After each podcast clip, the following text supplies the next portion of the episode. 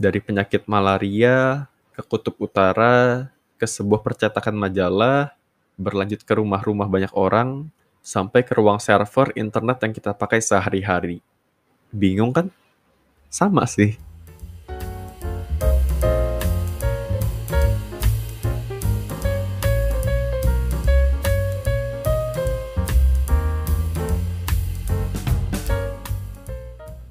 Sekarang tanggal 2 Desember 2021, semoga kamu yang mendengarkan juga sedang dalam keadaan yang baik, sehat, dan tenang ya.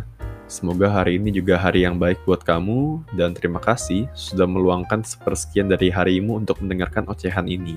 Nah, di bagian ketujuh ini kita bakal ngebahas tentang cara kita mendinginkan atau menghangatkan ruangan, karena mereka menyumbang 7% dari emisi karbon ini. Tapi yang akan gue bahas lebih spesifik adalah tentang pendingin ruangan atau AC karena itu kayaknya sesuatu yang lebih relatable ya ke negara kita yang ada di iklim tropis gitu. Nah, tapi sebelumnya, mungkin kalian bingung tadi ya dengan intro episode ini gitu. Karena sebenarnya itu adalah cerita menarik tentang si AC ini gitu.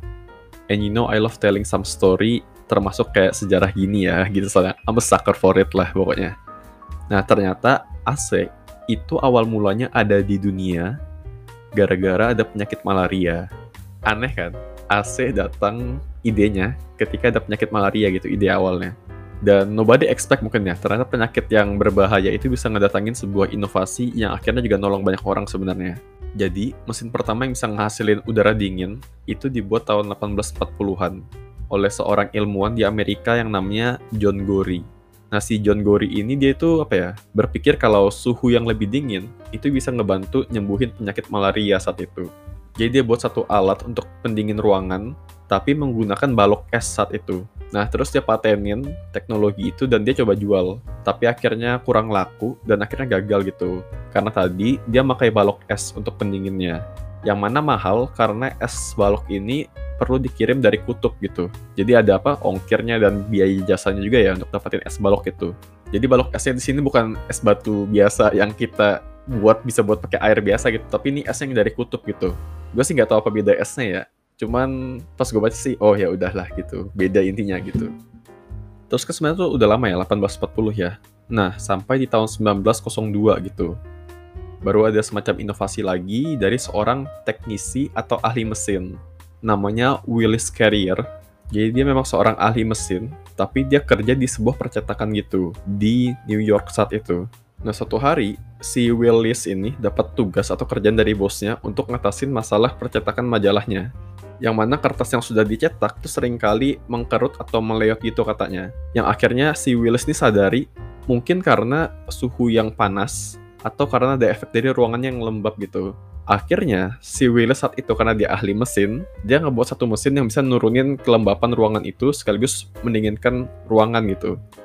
Jadi saat itu, si Wills nggak pernah sadar kalau mesin yang dia buat untuk percetakan majalah ini suatu hari bakal jadi nenek moyang dari sebuah mesin pendingin ruangan yang sekarang hampir ada di seluruh rumah apalagi yang di daerah tropis kayak di Indonesia gitu. Yang awalnya dibeli dan dipakai banyak orang untuk mendinginkan ruangan di saat lagi musim panas gitu. Tapi akhirnya sekarang berkembang berubah menjadi semacam kebutuhan yang sangat umum gitu dan yang tadi dan kayak yang aku bilang di intro AC itu pada akhirnya sekarang nggak cuma dipakai di rumah ini aku juga baru sadar dan baru tahu ya. Karena sering berjalannya waktu apalagi di era digital dan teknologi ini dia makin diperlukan untuk satu hal yang kita mungkin nggak sadari ya yaitu sebagai pendingin ruangan dari server farm atau ruangan server yang mana seperti kita tahu pastinya all of the big tech company kayak Google, YouTube, Apple, Microsoft, Amazon, Facebook, dan Instagram semuanya pasti punya ruangan server mereka sendiri gitu. Karena server farm ini kan pada akhirnya komputer ya. Dan mereka harus terus menyala karena akan dipakai oleh banyak orang terus-menerus gitu kan. Yang berarti sebenarnya panas gitu kan komputer ini gitu. Kebayang lah ya, soalnya kayak kita pakai komputer, pakai HP atau laptop atau apa pun itu kalau kelamaan juga panas gitu kan. Nah makanya server farm itu butuh pendingin ruangan juga pada akhirnya. Nah terus masalahnya AC itu di mana? Kembali ke masalah awal, karena dia makai listrik dan karena dia memang sudah barang elektronik memang, bukan kayak mobil tadi yang bisa kita alihkan energinya dari listrik gitu, jawabannya kurang lebih sama kayak barang elektronik lainnya, seperti lampu, kulkas, dan mesin cuci yang sudah disebutkan di bagian pertama kemarin gitu. Yang mana solusinya sebisa mungkin adalah pilih yang lebih efisien gitu. Karena aku juga baru tahu ya, ternyata saat ini pun sudah banyak AC yang istilahnya itu low consumption gitu energinya. Walaupun harganya kembali, pokoknya setiap kali yang kayak gini harganya cenderung lebih mahal gitu. Tapi sama seperti panel surya, kendaraan listrik, dan yang lain-lainnya yang sudah disebutkan di bagian sebelumnya, mereka ini lebih kayak investasi jangka panjang gitu. Jadi kayak di muka harga belinya memang lebih mahal gitu, lebih tinggi. Tapi tagihan bill per bulannya itu pasti lebih kecil nantinya gitu. Jadi dalam jangka panjang kalau dilihat itu dia pasti lebih murah nantinya. Masalah kedua dari AC ini adalah karena mereka menggunakan yang namanya freon. Mungkin kita sering dengar ya, kalau misal lagi cuci AC atau servis AC itu kadang-kadang orangnya ngomong kayak, oh ini mah harus diganti freonnya mas gitu. Nah siapakah freon ini? Nah buat yang belum tahu, freon ini punya sifat untuk menarik panas dia. Dia nyerap panas.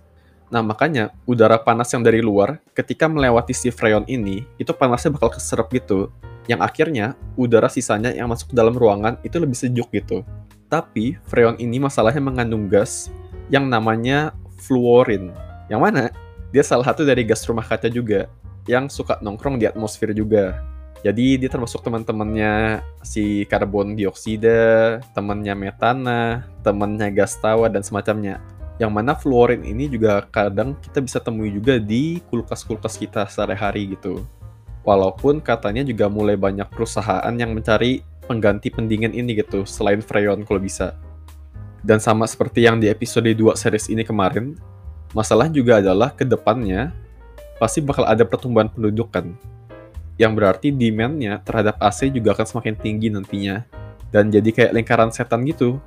Manusia nyebabin krisis iklim, buminya makin panas, akhirnya orang pada pakai AC. Tapi semakin banyak AC yang dipakai juga contribute ke emisinya lagi. Akhirnya makin panas lagi. Akhirnya makin butuh banyak AC lagi gitu. Jadi kayak nggak ada habisnya gitu. Tapi kembali, kalau menurutku pribadi, apa ya, agak sulit untuk melarang orang nggak boleh beli AC atau pakai AC lagi gitu karena pada akhirnya itu akan menjadi semacam kebutuhan gitu. Cuman kembali ke masalah besar yang menurutku, yaitu adalah overconsumption gitu. Jadi kayak sebisa mungkin, tapi gue nggak mencoba ngubah habit orang ya, seperti yang gue bilang di sebelum-sebelumnya juga gitu. Cuman sebisa mungkin pakai AC di saat memang lagi butuh banget aja. Misal kayak lagi mau tidur, atau lagi ada acara mungkin, atau semacamnya yang perlu pendingin ruangan gitu. Terus juga banyakin pakai pengudaran alami juga. Misal kalau ada jendela ya di ruangan kalian, di rumah kalian gitu, karena kayak ini sebenarnya nyenggol-nyenggol yang di bagian kedua sih yang waktu ngomongin bangunan. Karena kayak di kuliah arsitektur pun juga itu apa yang ngebuat aku makin sadar gitu loh. Pentingnya peran sebuah jendela gitu. Dia bisa ngasih cahaya alami dia juga bisa ngasih pengudaran alami gitu karena di ruangan dengan penempatan jendela yang baik kita bisa ngurangin pemakaian lampu dan AC kita kan dari pagi sampai siang hari atau sore gitu terutama dan kayak yang mobil listrik, panel surya dan lain-lainnya tadi, kalau memang punya kesempatannya, silahkan beli dan pakai AC yang lebih ramah lingkungan aja gitu. Maybe nggak berasa ya kita ngelakuin sesuatu, tapi I think itu truly play a part gitu loh, and contribute to something gitu, dalam jangka yang lebih panjang ya. Small action, tapi ketika dilakukan oleh lebih banyak orang secara kolektif, dan terkumpul jadi besar juga nantinya kan. Sedikit-sedikit lama-lama menjadi bukit gitu.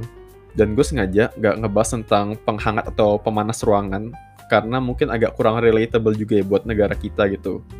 Masa udah panas pakai pemanas kan kayak sauna ya pada akhirnya ya. So gue nggak bahas pemanasnya ya. Cukup di pendingin ruangan aja gitu. Paling itu aja dari gue di bagian ini. Semoga waktu yang kalian berikan untuk mendengarkan ocehan ini dapat ditukar menjadi sesuatu yang ada nilainya juga ya Terakhir, karena rasa rasa ini adalah wadah untuk orang ngebaikan apa yang ada di kepala mereka, baik itu ide, opini, atau keresahan. Kalau misalnya ada yang ingin kalian ceritakan, jangan segan untuk cerita lewat DM di Instagram, atau mana pun, mau anonim juga boleh. Karena menurutku semua orang pasti punya ceritanya masing-masing, tapi nggak semua tahu harus cerita ke siapa dan gimana caranya. Jangan lupa juga untuk follow up di sosial media Rasa Rasa di Instagram. Temani masuk kita juga si Reza. Dan kalau misal episode ini menarik buat kalian, mohon bantunya juga untuk di-share, cause it truly means a lot buat kita. Terakhir, semoga segala sesuatu yang kalian rencanakan dan usahakan bisa berjalan lancar ya. Kenny Lesmana di sini dan sampai jumpa di rasa-rasa selanjutnya.